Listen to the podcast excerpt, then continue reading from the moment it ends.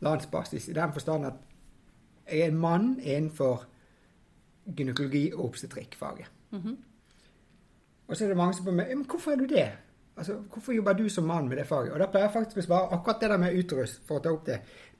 Nettopp det at det er jo det eneste organet som kan utvide seg så vanvittig og bli så forandret og bli så stort uten at det er kreft. Og så plutselig bare gå tilbake til normal størrelse. Ja, ja, det er jo faktisk men, men, Har ikke du tenkt på det? Nei, det har jeg faktisk ikke tenkt Nei, på. nei, men når du sier utvide seg, Ja. jeg, sier du at alt bare strekkes, eller kan vokse den og så strekkes den, eller er det, vokser den hele tiden? Nei, det gjør han ikke. Han vokser ikke hele tiden. Eh, Men, men man har tre Altså man deler det på en måte inn i tre faser. Eh, og- Veksten. Veksten, ja. Av muskel. Og, og da, de tre fasene, det er i, i, i løpet av graviditeten. Sant? Altså Ja. før graviditeten så OK, han, han er liten når man er født, og så vokser han litt mer i forbindelse med pubertet. sant? Blir litt større. Uh, og så holder han seg egentlig ganske konstant, selve muskelveggen, da, i løpet Ja. av livet. Med mindre han blir gravid. Nettopp. Men når han blir gravid, så går han inn i tre faser. Og de er faktisk beskrevet på 50-tallet. Såpass. I kid you not. og det, og det, det begynner med hyperplasi. Det betyr at det, liksom, det øker antallet. Altså antallet celler. Ja. Man tenker at det liksom øker i første delen. Og så er det hypertrofi. Det betyr at da øker ikke antallet celler lenger, men da bare øker størrelsen på de cellene som er. Og så, etter det, så er det mer at den utvider seg. Altså at den strekkes. Han strekkes. Altså at den eh, Så, så, så, så først får du flere celler, så blir cellene større. Men så endrer ikke nødvendigvis antallet celler seg, eller størrelsen på dem, men de strekkes mer, og de utvider seg. Fordi at I tredje trimester så vokser jo barnet noe vanvittig, sant? Mm. relativt sett. Eh, og da strekkes denne muskelen mer og mer og mer og mer. Ja. Helt til han i forbindelse med fødsel da, selvfølgelig begynner å klappe sammen, eller trekke, trekke seg sammen. Ja. Men, men når begynner den å bare strekke seg? Altså Når slutter den å på en måte øke i antall og vokse? Eller er det litt sånn individuelt, eller er det sånn ish fra tredje trimester når barnet vokser? Eller eh, Det er jo for så vidt kanskje ikke en viktig detalj heller. Nei, altså det, nei, det kan du si. Og det går an å synse mye om det. Eh, jeg har ikke noen sånn fasit på det. Og, og, og jeg tror mye av grunnen til det er at dette baserer seg jo på Altså Denne kunnskapen baserer seg på små studier. Noen har gjort noen ultralydstudier underveis i svangerskapet. Og noen har, har basert dette på biopsier eh, av livmorvegger. Sant? Men, men altså, hvor mange livmorveggbiopsier får man av gravide utruser? Ikke så mange. Nei, det er vanskelig å få til. Og det samme med ultralydstudier. Det er ikke så vanvittig sånn relevant for å bedre barnedødelighet eller kvinnedødelighet på verdensbasis å vite akkurat Nei. Skjønner du hva jeg mener? Ja. Men det er noen som har gjort det. Og de sier vel at sånn i snitt så Jeg vet ikke om det var det du spurte om. Men, men, men de sier vel at sånn en centimeter, noe sånt, tykkelse rundt det Rundt til termin. rundt til termin, sånn Ja. cirka. Da ligger han på det. Og noen steder litt mindre, pluss minus. Og så er han tykkere akkurat bak morkaken i forhold til resten av området.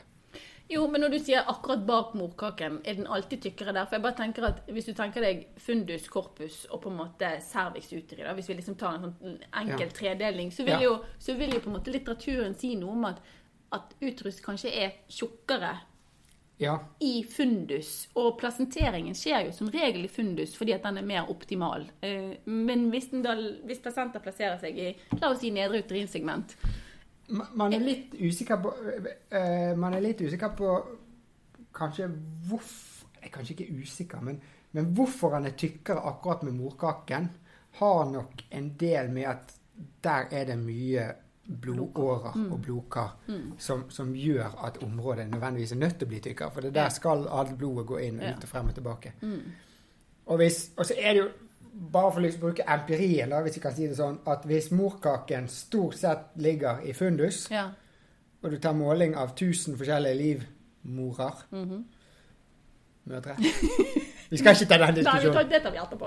Eh, men, men, men, men hvis du tar, måler 1000 stykker, da, så vil jo, og hvis det stort sett alltid morkaken ligger i fundus, så vil jo snittet av målingene bli tykkere i fundus enn nedover. Nettopp. Sant? Jo, jo. Men nå, bare, nå leker vi jo bare litt med tall og fakta her. sant? Ja.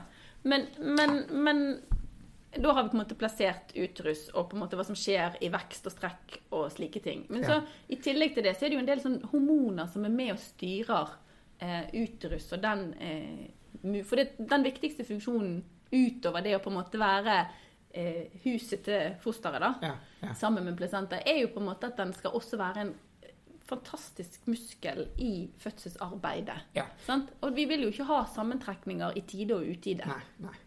Nei, og det er én ting. Også, men, men for å liksom ta enda et steg lenger tilbake, da, så tror jeg det er viktig å si at livmoren er jo en muskel. Ja. Men det er jo ikke en muskel du har kontroll over. Nei, nei, nei. Det, nei. Det og, og, og, og, det skal vi pinlig være glad for. for. det tenker jeg også. Det er For da er ikke det mange som har blitt født, holdt jeg på å si. men, men, nei, altså fordi at dette er jo Man skiller jo mellom forskjellige tre typer muskeltyper i, Mhm. i kroppen. sant? Du har skjelettmuskulatur, Mhm. du har hjertemuskulatur, Mhm. og så har du glattmuskulatur. Ja. Uh, Skjelettmuskulatur det er akkurat det samme som du har på armen. Ja. Bicepsen er skjelettmuskulatur. Den kan du flekse i tide og helst i utide. Eh, hjertemuskulaturen den har du null kontroll over. Den er, hvis, du, hvis du har et mikroskopisk bilde av hjertemuskulaturen, så er den litt annerledes organisert enn altså skjelettmuskulaturen. Og derfor er de liksom skilt litt fra hverandre. Men det er ingen andre steder enn i hjertet du finner en sånn type muskulatur som hjertet har. Så derfor kalles det bare for hjertemuskulatur. Ja. Um, det er vanskelig å vise sånne bilder på podkast. ja, det er veldig Så dette kan men- man søke dette- seg til. Det er helt riktig. Google. Ja, men jeg syns du lager et ganske godt visuelt bilde likevel, Takk Lorentz. for det, Så takk for det. ikke tenk på det. Men okay, men da, har vi, da har vi på en måte sett for oss eh, skjelettmuskulatur, hjertemuskulatur, og så har du glattmuskulatur. Ja. Og det er altså muskeltype som er inni organer, og deriblant livmoren. ja. Og det som er veldig spesielt med glattmuskulatur, er at du har ikke kontroll på den. Nei. Du har ikke kontroll på den. Og da tenker jeg at vi kan gå videre kanskje og snakke om denne. Hva er det da som kontro kontrollerer og styrer den glatte muskulaturen som ligger Ja. i limoen? Ja. Det er litt spennende. ja, for da toucher vi litt det som jeg vil inn på. Da toucher vi det som du vil inn på, det er helt riktig! Og nå ser jeg et stort smil rundt munnen din. Alle disse hersens hormonene, og hvem kommer når og hva og hvorfor. Men, men før det, da, så vi må se et lite bilde. Hvordan ser disse her eh, glatte muskulatur ut? Du, du har sett en ufo, sant? Den klassiske ufo-tegningen. Ja, ja, ja. Litt sånn eh, som en sånn tallerken. Akkurat som en tallerken eller en diskos. Ja. De har også litt sånn type form. Sånn ser litt glatt muskulatur ut hvis du tar det under lupen i et mikroskop. Ja, altså Da tenker du at den er liksom litt sånn stor i kjernen i midten, og så tynnes den på sidene. Sånn at den liksom får den eh, Ja. ellips Nei, kanskje ikke. Men liksom en, eh, også som en sånn rugbyball-ish. Ja, sant? rugbyballer, litt Ja, sånn samme sånn, type. Ja, sånn Ja, at den strekkes litt i spi, Blir som en spiss i endene, da. Det har sikkert et geometrisk navn. Helt sikkert, men det kommer ikke vi på nå. Det skal ikke vi ta her. Nei, det er ikke interessant. Dette er ikke o-fag. Nei, nei, nei, nei, heller ikke matematikk. Men, men uansett så, så er det Jeg syns det er litt greit å se for seg. For, for sånn ser på et vis muskelceller ut. Og da er det lett å se for seg at de kan ligge litt sånn uorganisert i forhold til hverandre. De kan strekkes ut i forhold til hverandre. De kan ligge litt lagvis, etc., etc. Og det, sånn ser jo utrustmuskulaturen ut. Litt sånn rotete. sant? Ja, kan være litt rotete. Ja, litt sånn hultete bultet. Ja. Det er ikke, det er ikke en, liksom en eh, stringens i hvordan den har organisert, muskelcellene. Den er litt Nei. sånn, Nei. går over i hverandre, og det er jo viktig i forhold til funksjonen. Ja. Det er viktig. Det er veldig viktig. Men så er det Ja, så kommer vi tilbake til dette her med styringen av eh, av muskel, og spesielt i forbindelse med, med, med fødsel. Mhm. For det er jo Det er jo uh, en muskel som skal gjøre et vanvittig stort arbeid Mhm. relativt sett i løpet av en kort tid. Mm. For altså, Hvis du ser på svangerskapet som helhet i forhold til selve fødsel, så er jo fødsel veldig kort. Ja, den er jo egentlig bare et bitte lite øyeblikksbilde, den i forhold til Det både Innspurten. mm, Virkelig innspurten. Sånn at da er det eh, Da er det jo noe som må forberedes her i god tid. Det er noe som må klargjøres til startskuddet går, og så må det være veldig på i en veldig kort periode, og så må det roe seg kraftig ned etterpå. Mm. Uh, og det er mange måter det må gjøres på, men disse muskelcellene, da, de må på et vis øve seg lite grann. Øve seg på rier, tenker du?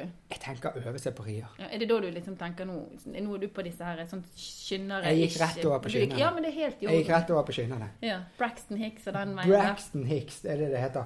Det er liksom det engelske språket, men det bruker vi veldig lite på norske sykehus. Man kaller Ja, det liksom kaller på det skyndere. Og det, det rommer alt. Det, det rommer så mye, og du kan ha vonde skyndere, Ja.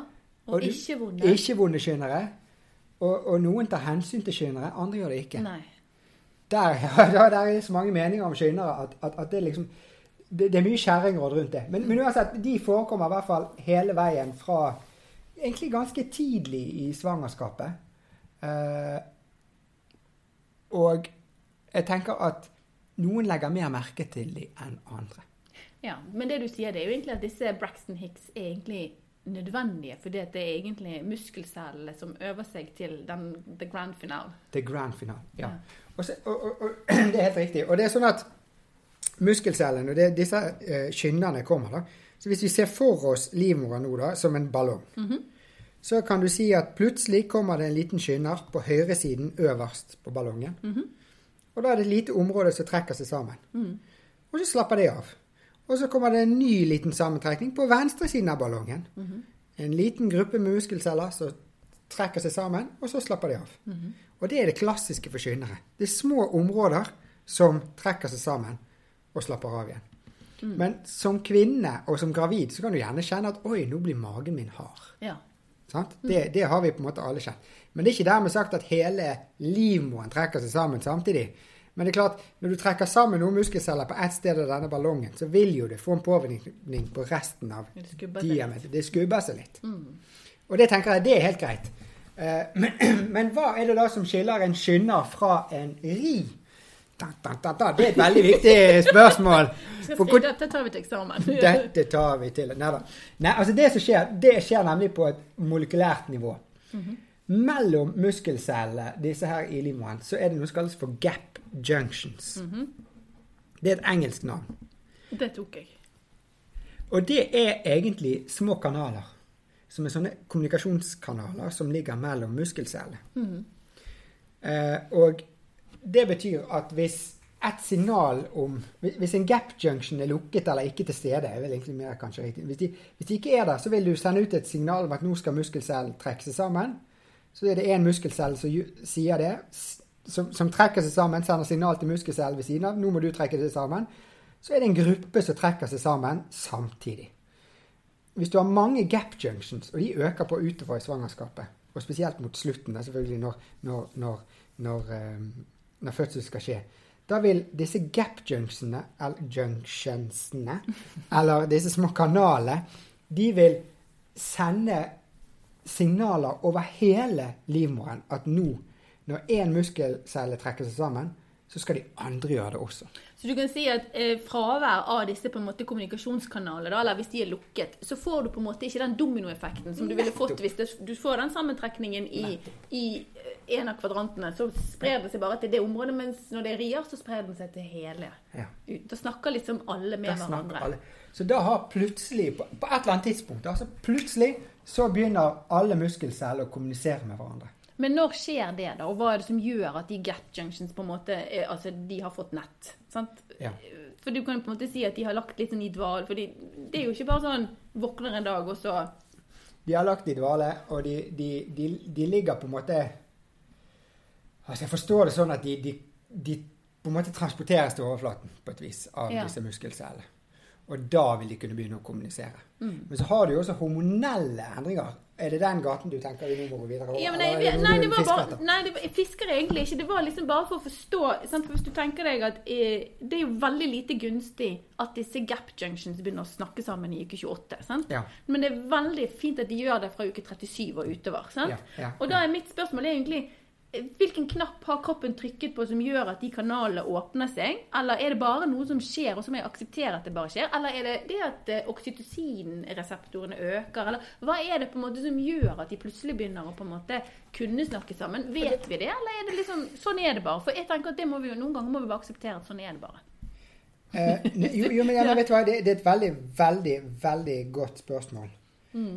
Eh, og Litt usikker? Nja, litt usikker. For det, så, det, det, det, skjer så vanvittig mye altså Det skjer hormonelle endringer også mot slutten Ja. av graviditeten. Men da kan vi jo Lorentz heller Og, og, og, og, det er man, man snakker på en måte ikke Altså, det er jo Det skjer endringer både rundt liv og hals, det skjer endringer i det hormonelle, sant? Mhm. og det skjer endringer på reseptorplanet. Og summa summarum så tror jeg istedenfor å si at Istedenfor å prøve å lage en sånn tids... Ja. Al- al- Altså en, en, et, et skjema for dette skjer sånn, så kommer sånn, så kommer sånn, så kommer sånn. Så tror vi heller må, må tenke oss å lage et bilde av at disse endringene skjer i forbindelse med eller før fødsel. Og sammen så er det det som fører til at fødsel på et eller annet vis starter. Ja, og det, og det var egentlig det jeg eh, håpte du skulle svare. For jeg tenker det er noe med at vi, Hvor mye skal man eh, fordype seg? Men det er viktig at man som fødselshjelper forstår disse tingene. Ja, For ja. på en måte, Det handler jo litt om hvilke tiltak skal jeg iverksette, hvordan og Ja. hvorfor og, og slike ting. sant? For Hvis ikke du forstår fysiologien, sant, så, så, så er det jo liksom altså, altså, Da blir det jo litt sånn gi lakserolje eller gå i trapper i 14 Ja. dager, så kommer du i fødsel. Men det, sånn, men det hjelper jo ikke. Fordi Nei. at det er jo hormonelt styrt, Ja. det er fysiologisk, Ja. det, og det er gap junctions, og det er masse sånne ting som, Det, som du må kunne da, for det, å det er masse og, og, så, og så står det litt sånn beskrevet Man bruker ordet sånn 'accompanied by', f.eks. Hvis du leser Ja. litt engelsk. -hmm. 'Accompanied by', liksom, hva mener de med det? Jo, liksom det skjer noenlunde samtidig. Dette Ja. skjer i forbindelse med sånt. Men om det er det ene som trigger det, eller det andre, det er man jo kanskje litt usikker på. Og så er det jo noe med det der du snakket om, Vi skal ikke gå inn og snakke om dette med prematuritet. Nei, nei. Tidlig fødsel. Nei. Hva er det som starter fødsel? Ja. Og, og egentlig så er jo vi er jo litt usikre. Ja. Sant? Altså fordi at, og det, du ser jo, det er jo en grunn til at vi, vi induserer jo fødsler på Ja. sykehuset. Men metodene vi bruker, er jo relativt gamle. ja. Det er jo ikke så veldig mye nytt som har skjedd eh, de siste 20 årene i hvert fall. Eh, og, og, og, og, den som klarer på en måte å si at dette er det som starter fødselen Altså Hvis vi klarer å finne den nøkkelen Det er Nobel. Vi kan fort snakke Nobel. Vi kan ha et annet telefontall, hvis du skjønner hva jeg mener. Ja, ja, ja. For, det, for det handler litt om at da kan du kanskje også finne løsningen på hvordan skal man eh, forhindre for tidlig fødsel. Nettopp. Men det er også multifaktorielt. Ja. Og det er jo det som litt Det det som gjør på en måte fødsel så utrolig spennende, men også veldig komplisert. Og, og, og derfor så tenker jeg at Det er kanonspennende. Det er kanonspennende, men det er derfor også viktig å tenke på at man, vi skal ikke jobbe etter sjekklister. Vi må jobbe etter den kvinnen og den, det fosteret. Ja. Og, og den gestasjonsalderen vi har foran oss. Da, altså Hvor gammelt er dette fosteret? Altså, alle disse tingene betyr noe. Eh, men når du sier da sant, Vi har hormonelle endringer, vi har reseptorforandringer, Ja, og vi ja. har gap junctions. Ja. Så er det jo på en måte, som du sier, multifaktorielt. Og, men og forhåpentligvis så inntreffer alt dette rundt uke 37. Pluss minus. Ja, og, og i, i det store og hele så er det jo rundt da det skjer. Ja. Sant? Altså for, veldig, for de aller fleste gravide så går dette knirkefritt på et eller annet vis. Men det er litt viktig at du sier det, for veldig ofte så syns jeg når vi snakker om det, så dras jo alltid mot det ekstreme. Ja. Sant? Altså at det er liksom eh, Hva når det er uke 23, eller hva når det er uke 48? Altså, sant? Disse tingene som, Ja, ja, som ja, 48 skjer jo aldri, da, men Nei, nei, nei, nei, i hvert fall ikke. Vi, vi prøver å unngå det, for å si det sånn. Liksom alle disse tingene som vi på en måte Altså Vi kompliserer bildet ved at vi alltid henger oss opp i de tingene som inntreffer i promillefrekvens, og Ja. ikke i, i daglig. Ja, og det, det er faktisk et veldig Altså, altså Nå kan vi snakke om norske studier, men, men det er faktisk Det vanligste er vanligst. Veldig ofte. Eh, og det gjelder overalt. Mm. Eh, og, og, og spesielt også innenfor fødselshjelp. Det vanligste er, og det normale fødsel er jo innenfor norske forhold det aller vanligste. Ja. Eh, og så vet vi jo ikke, men det, det er jo en annen diskusjon igjen. Men altså nå når vi, nå når vi hjelper, har mulighet til å hjelpe flere til verden ja. eh, på avanserte måter, Mm. så er spørsmålet bærer vi med oss en økt risiko nedover i generasjonene. Altså i fremtidige generasjoner. Sånn, ja. Vil det øke kompliserte fødsler at flere kan føde, fødes gjennom kompliserte fødsler? Vil det føre til at antallet kompliserte fødsler øker om én, to eller tre generasjoner? ja. Det vet vi jo ikke. Det vet vi ikke. Det er veldig spennende. Men, men inntil nå, da, så er det vanlige, vanligste vanlig. Men, men, hvis men hvis vi går tilbake til Ja, uterus, sant? ja. Så, så tenker jeg jo at, at hvis vi snak, Kan vi snakke litt om de der hormonelle endringene? For nå har vi snakket om gap junctions. Det er én faktor. sant? Vi kan snakke litt om hormonelle endringer. Sant? For du kan si, Vi har jo da østrogen og progesteron og oksytocin. som er på en måte tre viktige hormoner i svangerskap og fødsel. Ja. Sant? Ja. Og, og så sier du at vi har glatt muskulatur, Ja. og den er ikke viljestyrt, og takk Gud for det, eh, i fødselssammenheng. Men det er jo noe som gjør at ikke på en måte den Så du sier Braxton Hicks der er kontraksjoner gjennom mer eller mindre små bevegelser i muskelceller gjennom hele svangerskapet, som noen kvinner merker, og noen ikke merker. Ja. Og så på et eller annet tidspunkt så merker alle det. Ja. For da er vi over på rier. sant? Ja. Og det at, For vi har jo et fall i Var ikke det progesteron? Jo. Rundt sånn uke 36. Det Og den holder jo liksom litt kontroll på den glatte muskulaturen, da. Jeg skjønner. Litt sånn eh, Du kan få lov til å bevege deg, men ikke så mye som, som gjør at du går i fødsel, eller får rier. Ja. ja. Eh, Litt usikker? nei, egentlig ikke. Eh, men men eh, Jeg hadde noe på tungen som jeg hadde litt lyst til å si. Ja, det, men, kjør på. Men, men eh, fordi at altså, progesteron er jo på et vis det som beskytter litt, sånn som du sier, graviditeten. Mhm. Eh, og man, man har jo også brukt en del tid på altså, For å bevare Innenfor IVF-verden, da, så tenker man at progesteron og progesterontilskudd skal kunne øke sjansen for Altså IVF-assistert befruktning. eh, øke sjansen for at man bevarer en graviditet. Ja. Og det er jo nettopp fordi at det har en sånn fysiologisk effekt. Mhm. Men, men om effekten er vanvittig god ved at man tar tabletter, er jo kanskje litt mer usikkert. Eh, Men, men, men uansett så brukes det. Eh, Det er det beste man på en måte har. Men, men, men mot slutten av svangerskapet så vil effekten, eller progesteronnivået, på et vis reduseres. Ja. Og det vil tillate at, at livmoren kan få lov til å gå over i en mer fødselsforberedende fase. Mm. Eh, og så vil østrogenet kunne øke opp, sant? Mm. Og så har vi noe som kalles for oksytocinreseptorer. Mm. Altså Oksytocin er det sikkert mange som har hørt om.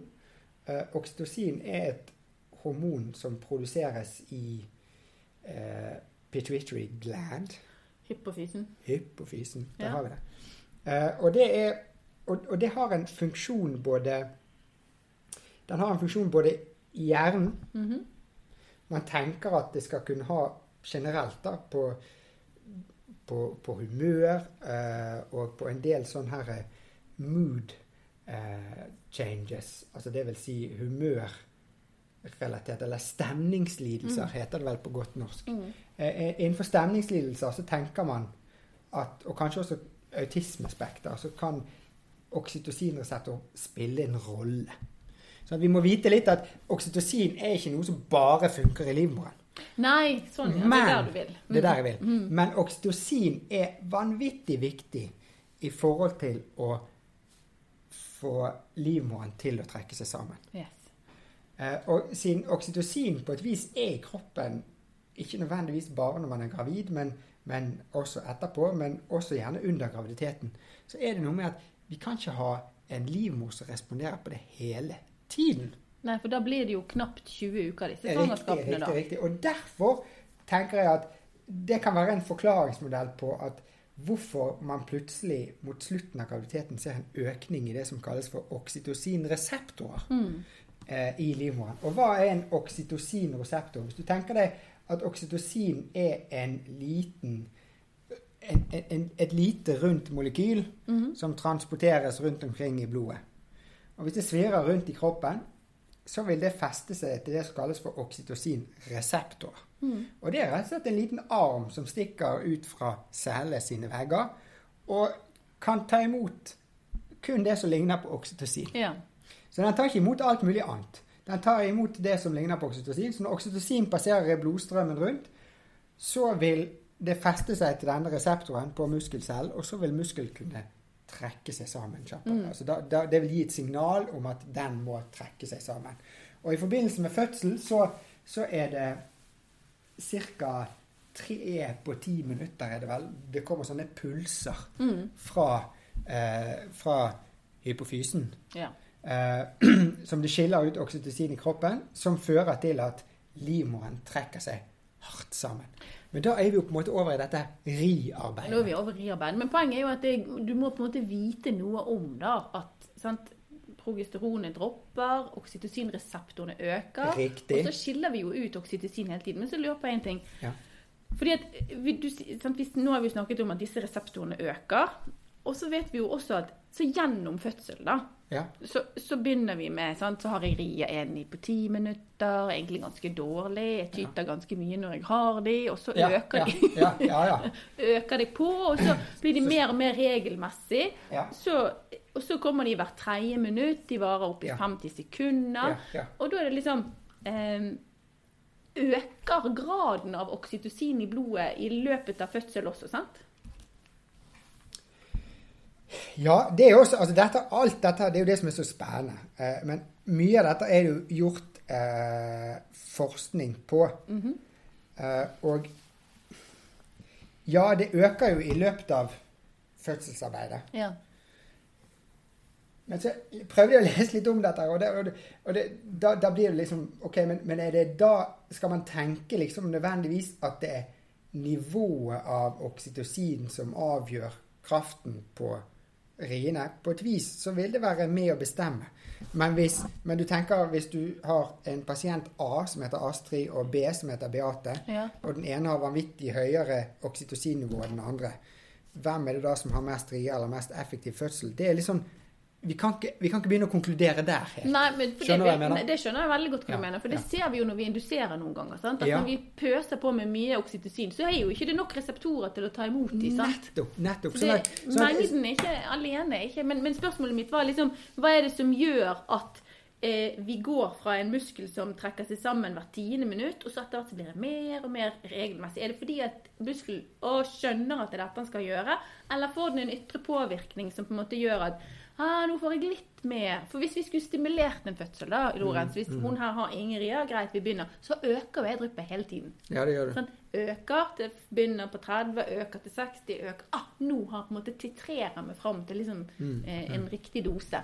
Og vi sier jo at vi ønsker jo at kroppen skal titrere seg fram til denne dosen Ja, ja. selv. Sant? For det er jo mye mye mer hensiktsmessig at kroppen justerer, og den er jo flinkere til å justere riktig nivå Ja. enn en enn jeg og du er sånn kjemisk. Det er helt riktig. Og noen responderer veldig godt på litt oksytocin, mens andre må jo ha full dose i lang tid, og du får liten effekt. Sånn at, så, så det, Igjen et komplis... Altså, det er ikke et ja-nei-svar. Nettopp. Og det er det som jeg føler liksom at vi, må, vi på et vis må lande litt på innenfor mange av disse her aspektene. At det blir ikke et ja-nei-spørsmål. Det blir ikke en 'dette er fasit, dette er feil'. eh, men det blir en ja, dette har en effekt på fødselsprosessen. Og sånn som oksytocin, så er det noe vi bruker mye innenfor fødselshjelp. For å trigge rier, for å få fremgang i fødsel.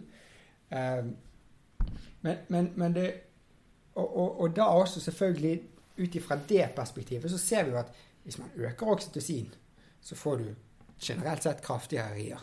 Ja. Og det er jo derfor man øker opp, for man vet ikke helt som, hvor mye man responderer på de forskjellige pasientene. sant? Så da er det jo sannsynlig å tenke at kroppen også har en form for sånn mekanisme at i Nettopp, løpet av fødselsarbeidet, og når man kommer type 8-9-10 cm, sant, som da, da, da er det ja kanskje naturlig å tenke at nå er vi på en måte point maximum. Altså høyere enn dette. Ja. Nå vi, nærmer vi oss i hvert fall metning på hvor mye man kan ha, da. Riktig. Men, men, så, men for liksom å eh, irritere litt, da. Ja. Eh, men, men det er jo Det er du jo god på. Ja, ja, ja. ja, ja.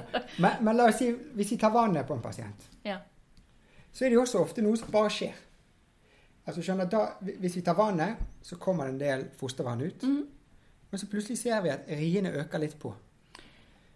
Ja, men da snakker vi jo Det er jo noen andre hormoner som på en måte Men da er vi på, prostaglandiner. sant? For all del, for all del. Men, men så kan jo hende Ok, men kanskje rett og slett det der at Det vet vi jo ikke. Men, men, men det kan jo hende at når livmoren klapper litt sammen Når disse muskelfibrene som vi ser for oss, på et vis Ja, sånn, kommer ja, litt mer i kontakt ja, med hverandre. Du tenker at når vannet står der, så er det mye større strekning. Det er så sånn mye strekk når større vannet- avstand mellom gap junctions Så, og så et eller annet sånn, you know, hvem vet? Hvem vet? Men, men, men, men, det er derfor jeg er så veldig forsiktig med å være bastant. For det, det, det kan man ikke være innenfor. Nei, vårt fag kan man ikke det. Og, og, og så, så, så det, det har jo også en effekt. Og da ser vi også plutselig en økning i, i riene uten at vi nødvendigvis tenker at det er oksytocin i, fra mor som plutselig bare løper løpsk. Nei, for da, nå, nå kom jeg med en ny hypotese inn i den. Så du, for, da, for da lurte jeg på, kan det også ha en sammenheng med at La oss si at vi tar vannet, da. Ja. Så får du en større dissens, så du får et større press nedover oss. Altså, kan det ha òg I don't know. Nå var det Det bare har, også, det har også en effekt. Det har også en effekt, for der er det prostaglandiner som, Ja. som Og det har vi heller ikke snakket om ennå, men, men, men det det er handler jo om at sammen med dette her så har vi jo både hormonelle reseptorer, dette med at pro, progesteron dropper, sant? Ja. oksytocinreseptorer øker, det, det må vi vite om. Ja. Og så har vi dette på muskelnivå, at det er gap junctions Mhm. mellom muskelceller som øker på. Men så er det også en, noe som skjer i cervix. ja, der kom du dragende med den. Der kom vi dragende der. Og cervix er jo det, det er jo det vi kaller for livmorhalsen. Ja. Sant? Der er jo det noe som kalles for prostaglandiner. Og Hvis ikke jeg husker helt feil, så er det noe som kalles på prostaglandin E2. Det finnes så vanvittig mange prostaglandiner. Ja. Men, men, men, men det spiller litt mindre rolle. Men, men poenget er at det endrer Altså, en livmorhals skal være lukket og låst, for å bruke et jordmorbegrep. Det har du hatt rett i. Inntil et visst Er det åpning? Nei, det er lukket og låst. Liker det. Vi liker det, ja, ja sånn, sånn, sånn er det. Men, men det, det kan ikke være lukket og låst helt til barnet kommer ut, for da kommer ikke barnet ut. Nei. Poenget er at den er lang, eh, og det vil si at høyden på livet Cervix, altså. Cervix. Han har sett bilder av cervix foreløpig. Ja, det har vel det. Mm. Eh, sånn at den er jo eh, lang, og en lang kanal. Mm. Eh, og en livmorhalstapp ofte, da. I, i, i, eh, I forbindelse med svangerskapet. Men så mot slutten av svangerskapet så får du en avflating av høyden. Mm. Og så vil etter hvert livmorhalsen åpne seg. Da trekkes eh, sidene fra hverandre. Så du får en dilatasjon av åpningen. Mm. Og så blir det større og større og større. Helt til du ikke Når, når det er full åpning på 10 cm, så kan ikke du kjenne at det er en kant. Med mindre du har vanvittig god fantasi og veldig flink høyt opp. Altså, det er alltid et unntak her. Alltid noen som finner en liten kant. men, men uansett, så er det så Da er det full åpning. Men for at denne prosessen skal skje, fra, for at det skal gå fra å være helt lukket og helt låst til å bli full åpning, så er vi avhengig av det som kalles for prostaglandiner. Mm. Uh, og det er noe som mykner opp vevet. Eh, og det er jo molekylære forandringer, og du har enzymer som jobber og prosesserer vevet, sånn at det blir rett og slett bare mykere og mykere og mykere. Helt til det blir tøyelig, og uten at det på en måte revner så fort. sant? Mm.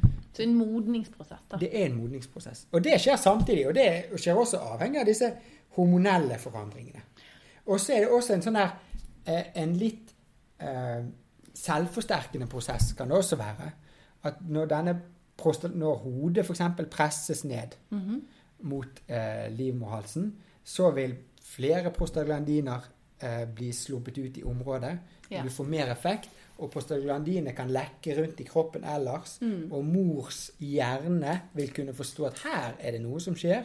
Og så kan gjerne fosteret kommunisere videre med dette. Det- Dette er en sånn sammensurium av samarbeid som er veldig vanskelig å sette inn i et flytskjema. Eh, sånn at, eh, men, men resultatet og resultanten er jo fødsel, Ja. til syvende og sist. Og, og, og, for, for ja, Ja, skal, så, så er det dette, og dette bruker vi også når vi induserer, for vi legger inn det vi kaller for ballong. Og jeg snakket i sted om at vi bruker haugamle metoder. ja. Men det er jo et ballongkateter, så vi setter Et vanlig foliekateter. ja, innenfor livmorhalsen, blåser opp med 60 ml væske, så trekker vi litt i den. Og da utgjør den et trykk på innsiden av livmorhalsen som tilsvarer et press som om et hode skulle komme nedover. Mm. Så det er jo det vi søker da, at vi får den prostaglandin-effekten. Så det er rett og slett en mekanisk effekt. Ja. Og da, for å gå tilbake til det der som vi snakker om, når du tar vannet, hva er det som skjer? Jo, da presses jo Hodet lenger ned. i hvert fall ledende del, sant? ned mot indre del av livmorhalsen, og du vil få frigjort mer eh, eh, eh, prostaglandiner, kan du gjøre. Og så samtidig som jeg tenker at etter hvert som vannet forsvinner ut, så vil volumet innvendig i livmoren kunne, kunne gå litt ned. Og man kan tenke seg til at det er nok vil kunne påvirke disse gap junctionene, og at muskulaturen vil kunne fungere bedre. Men hvis jeg, hvis jeg går tilbake nå For jeg tenker det, det er ett konsept jeg ønsker at vi skal på en måte bare drodle litt om før du løper videre i ditt travle liv, Lorentz. Og det er at hvis du tenker deg at hvis jeg flekser noe jeg gjør sykt ofte, bicepsen min, sant? Ja, ja altså, til det skjedsommelige vil jeg si at du gjør det. Men det er greit. ja. Så på en måte er det jo noe med at jeg har en kontraksjon Altså jeg på en måte trekker den sammen. Men Ja. så slapper jeg helt av. Jeg relakserer den. Ja. Mens i fødselssammenheng så er det jo sykt tosje hvis disse glatte muskelcellene trekker seg sammen, og så slapper de helt av igjen.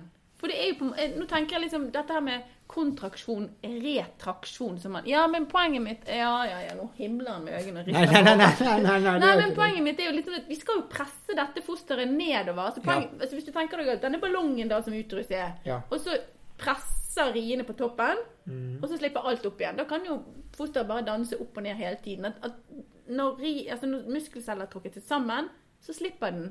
Men han opprettholder likevel litt av på en måte sammentrekningen, fordi at han skal jo skubbe denne babyen sånn at han klarer å rotere nedover. Ja. Er du med? ja, jeg er med. det er jo Han er med ennå, flott. Han er med ennå. Ja, jeg bare det er fortsett. Ja ja, men det er jo på en måte ganske fascinerende. Altså, for å på en måte fylle ut dette som du sier med at uterus er et sant, Siden du syns det er så sykt gøy til å være fødselslege, fordi at det er et ganske fascinerende organ, uterus, Mm, da, som på en måte vokser og strekker, og har glatt muskulatur som påvirkes av veldig mange ting. Men, men eh, muskelceller oppfører seg jo kanskje ikke helt likt som alle andre muskelceller når de da blir påvirket. Det vet ikke jeg. Nei, altså de, men, men, men det er jo et, er et godt spørsmål, fordi at eh, Og det er bare derfor jeg på en måte gir deg det der eh, øyesignalet underveis her. Og det var ikke himling med øynene. Men, men det er et godt spørsmål. Og det er fordi at det er jo vanskelig å svare på også. Men, Ja. men, men tenk deg det at muskel Altså, det er jo et barn som ligger her inni. Ja. Sant? Og morkaken og barnet er avhengig av oksygen. Mm. Og det kommer jo hovedsakelig via arteria uterina opp til morkaken Mhm. og inn til babyen. Ja, der, ja. Så, så det mest ideelle hvis du skulle hatt en effektiv fødsel, var jo bare at den her eh, muskelen bare presset seg sammen og skviste ungen ut til han var kommet på utsiden. Ja, liksom én skvis. En kjempeskvis. Ja. Men det hadde ikke gått. Nei, for du For da hadde ikke vi fått eh, friskt oksygen til, til, eh, til, til, til barnet. Sånn at vi er avhengig av at muskelen slapper av innimellom nok til at blodet får frisket seg opp igjen. Det kommer friskt blod inn til barnet, og at den tåler en ny ri. Det som du sier der, er jo uhyre viktig, fordi vi er jo veldig opptatt av at å, vi må ha mer, vi må ha bedre, vi må ha sykt gode Ja. rier. Ja. Men vi må ha pause òg. Vi må ha pause òg. Så, det altså, så det blir jo en sånn der Ja, hvis den skal slippe opp nok til at blodet får lov til å komme tilbake igjen, Mm. men ikke så mye at alt bare forsvinner opp igjen. Nei. Sant? Men så er det jo sånn at når, når, når barnet først har begynt å gå ned i fødselskanalen, så er det jo på et tidspunkt vi kaller at, at nå er det festet. Ja da. Skjønner du hva jeg mener? Det, det har også med at den, det er ikke sånn at den plutselig bare hopper opp igjen. Men, men i, i teorien kan mye skje, altså, men, men det er ikke nødvendigvis sånn at den flakser så veldig mye Nei. opp og ned. Mm. Men, men, men du, den slapper av nok til at blodet kan pumpes inn igjen. Ja, men han opprettholder også en viss stramning som gjør at jeg skubber deg hele tiden bitte, bitte litt. Det er helt riktig. Det er helt riktig. Sånn, han, han, han blir ikke like dilatert som han var i uke 37. Sant? Nei, Den går ikke helt tilbake nei, der. men syns, akkurat det syns jeg er ganske fascinerende. At, at, at kroppen er så lur. Ja. Han er jo sykt lur. Ja, han er, han, han er sykt lur. Uh, og evolusjonen er på et vis har gjort den veldig lur. Og, og hva kom først? Det er vanskelig å si, altså. Mm. Men, men det er klart at um, det er mange av disse mekanismene i forbindelse med fødsel som er veldig fascinerende. Ja, og veldig kompliserte. Veldig kompliserte. Og så tror jeg, Lorentz, når vi tyter nå og snart skal avslutte, så tenker jeg at noen ting må vi bare Sånn er det bare. Ja, det, det, det er jo viktig å tenke også det, at sånn er det bare. Men, men så samtidig, det, vi må alltid, vi må ikke gi oss på å være litt sånn nysgjerrig. Nei, det er jeg helt enig med deg Og så må man også alltid bruke litt energi på å pønske litt. Mm. Sant? For, og, og tenke litt nytt. For det er jo sånn vi driver faget fremover. Fremover. Men jeg tenker, som, som fødselsarbeider så er det jo viktig å opprettholde det fokuset på at dette faktisk er en muskel. Og grunnen til at jeg gneller om det hele tiden, er at jeg føler av og til at, vi glemmer det litt. sant? Altså Fordi at utrus har mange funksjoner. sant? Men den muskel og det muskelarbeidet den skal på en måte gjøre Altså, den, altså ja, at vi, må, at vi må på en måte huske at vi må jo tilføre den energi, da. Ja. Altså, altså, vi Ja, ja. måte, altså Hvis jeg vil ha regelmessig tette, gode rier, så må premissene være at jeg har gjort noe i forkant som gjør at den klarer å løpe opp og ned til Ulrikken hele tiden. Ja. ja altså, det, vet du hva, det er også ganske spennende. Men, men la oss si at dette er jo ikke som å, å føde, er ikke som å løpe opp Stolsen. Nei. Sant? For å, å løpe opp Stolsen tar ti minutter. Så for noen kan det jo hende at ja, det var- beklager. Det var Snikskryt. Det var snikskryt. Beklager. Ubevisst. Nei, nei, men uansett. da. Du skal få den. Uansett, så, så, så tenker jeg at for noen vil en fødsel være veldig kort. Men for, for, for den store mengden så vil det vare lenger. Så vi må liksom tenke oss også at eh, det er ingen som eh, kan gjennomføre et maraton på tom mage. sant? Eh, eller gjennomføre et maraton uten å få inn noe særlig med energi underveis. Da må de ha trent mye på det, og det er ikke nødvendigvis noen som trenger å trene på. Fødsel er veldig vanskelig å trene på. Det er nettopp det det er. Og det er det som er litt av utfordringen her. at Selv om dette er en muskel, så er det vanskelig å trene den muskelen. Men vi må jo kunne legge til rette for at de andre systemene i kroppen er så optimale som mulig Nettopp. for at denne muskelen, selv om man ikke har født før, skal kunne jobbe optimalt. Og hva er, det, altså, hva er det da som er viktig? Væskebalanse, Nettopp. sant? Og ernæring. Ja. Det er jo kanskje stikkord. Det er veldig viktig stikkord, men jeg, grunnen til at jeg ville at vi skulle snakke litt om det, er jo fordi at jeg syns av og til så glemmer altså Vi blir litt sånn tekniske, og så glemmer Oi, skal du ha mat òg? Ja, ja. Sånn? ja. Eh, og det er på en måte noe med de grunnleggende behovene her. Sant? Og noen ganger, Lorentz, så tenker jeg at burde vi bare stoppet bitte lite grann opp her? Altså at så Vi gjør jo det noen ganger i fødselsarbeid. Sant? Ja. At, at, at det er ri på ri på ri på ri. Og så ser vi at kanskje det kunne faktisk vært hensiktsmessig med en epidural eller noe som Nå må den hvile bitte litt for at vi skal klare å komme videre. Ja. Sant? Det er veldig, og, det er veldig viktig. Og at for eksempel, la oss si da, at du har en fødsel som starter spontant, og den går helt, er en nydelig progresjon, og så kommer du til 8-9 cm, så tar utrus seg rett og slett en liten Det er sånn Å ja, nå når vi akkurat hadde tenkt å begynne å trykke, så tar den seg en pause. Det må noen få lov til. Ja, og det der er den der eh, balansegangen mellom Vi må ikke nødvendigvis skynde oss i et fødselsarbeid, men så må vi også alltid være på den sikre siden i forhold til barnets ve og vel. Ja. Sånn at det, det handler om å ha is i magen, ta det med ro, gi, den, den, altså gi livmoren og kroppen de pauser den trenger underveis.